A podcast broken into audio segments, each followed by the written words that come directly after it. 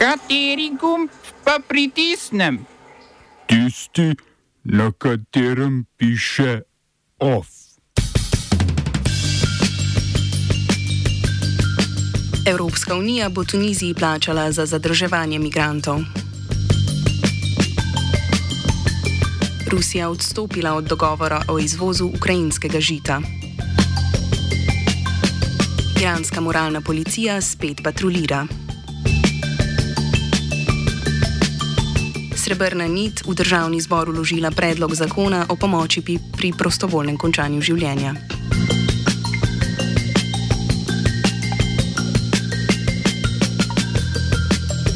Evropski komisar za evropsko sosedsko politiko in širitev Oliver Varheli ter tunizijski zunani minister Munir Ben Ržiba sta podpisala dogovor o nadzoru nad migracijami med Tunizijo in Evropsko unijo.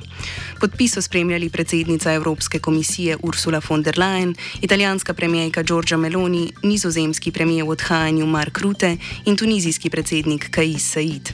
V skladu z dogovorom bo Evropska unija Tuniziji izplačala 100 milijonov evrov za financiranje mejnega nadzora, iskanja na morju in protitihotapskih ukrepov.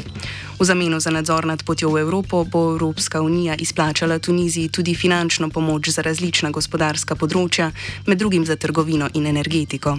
Natančnega zneska ob podpisu dogovora niso navedli, je pa prejšnji mesec predsednica Evropske komisije Ursula von der Leyen izjavila, da razmišljajo o pomoči v znesku do 900 milijonov evrov.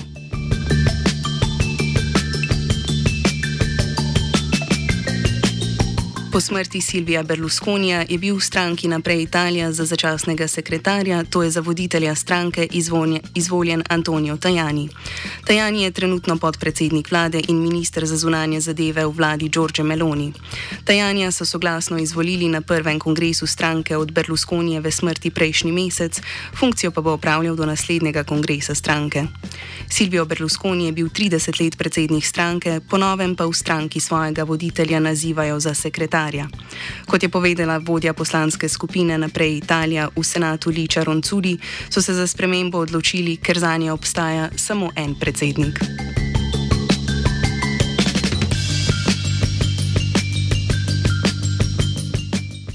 Iranska moralna policija je spet začela s patruljami na ulicah. Oblasti se tako ponovno vračajo k neposrednemu policijskemu usiljevanju norm oblačenja v skladu s predstavami vladajočih klerikov.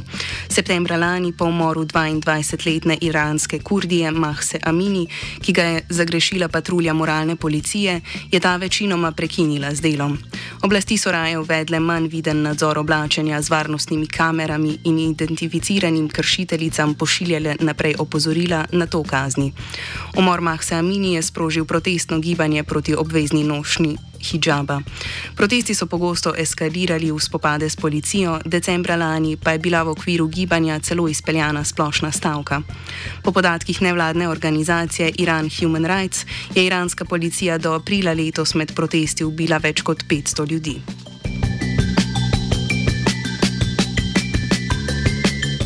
Britanski premijer Rishi Sunak je predlagal omejitev števila študentov v Angliji na programih, ki jih je označil za programe z nizko vrednostjo. Zgornja omejitev števila študentov bi veljala za programe, po končanju katerih nizek odstotek dobi strokovno delo, se upiše v podiplomski študij ali ustanovi podjetje. Kriterij bi bil tudi predviden prihodni zaslužek diplomatov na njihovem področju. Konzervativni minister za izobraževanje Robert Halfon je dejal, da bo to spodbudilo univerze, da izboljšajo svoje programe. Na predlog so se takoj kritično odzvali laboristi, ki opozarjajo, da bi omejitve prizadele vključevanje v izobraževanje nižjih razredov in etničnih manjšin, saj si potencijalni študenti iz teh skupin ne morejo privoščiti študija na prestižnih univerzah.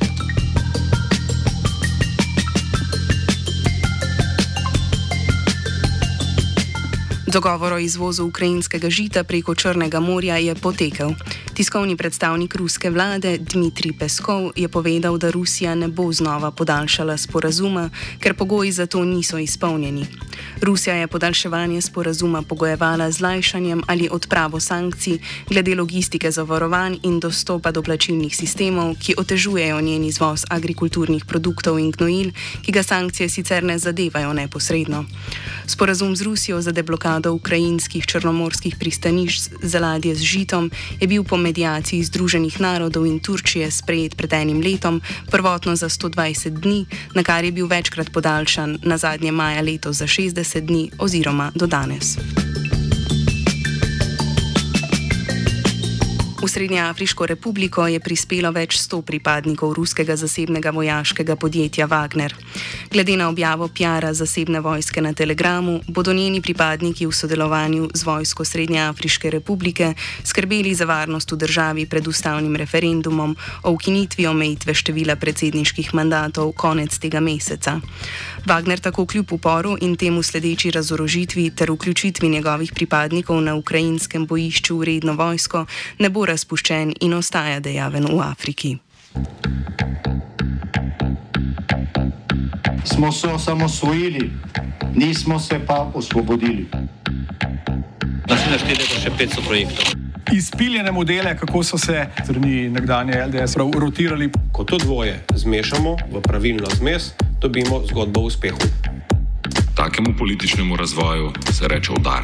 Jaz to vem, da je nezakonito, ampak kaj nam pa ostane? Brutalni obračun s politično korupcijo.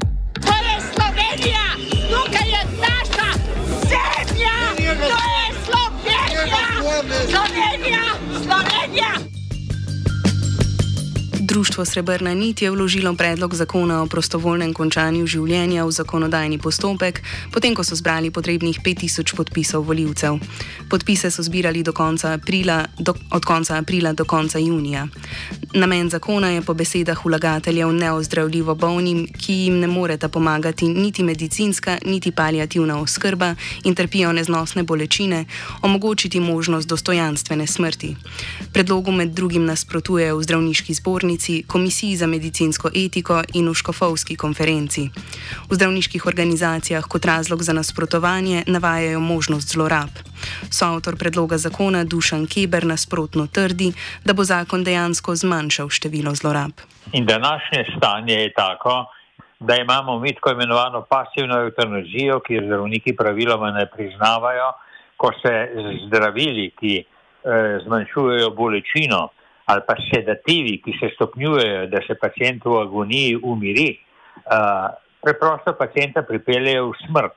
Pa to seveda na nek na nek hipokritičen način imenujejo kot stranski učinek zdravljenja.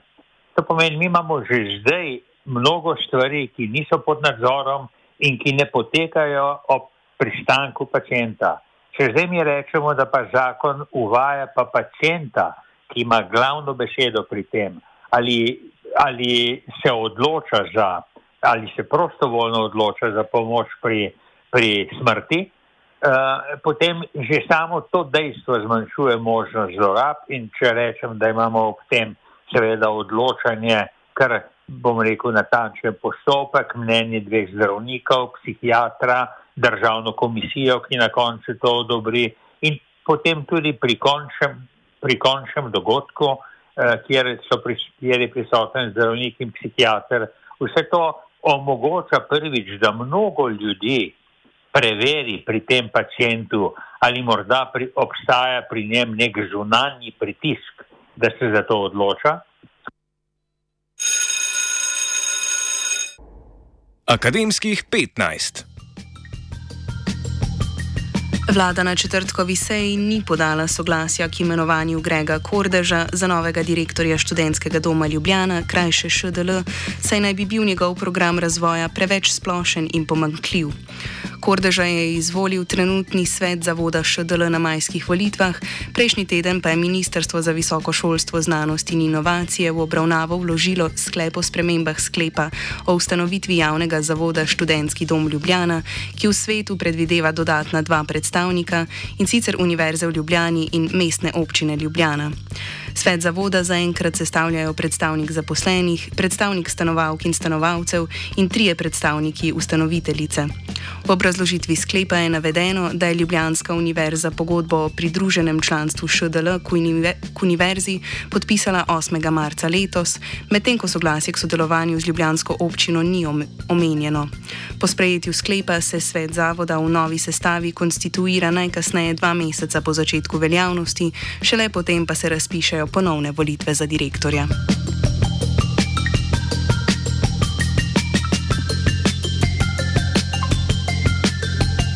Of je pripravil Matej, študentsko novico je prispevala Karin.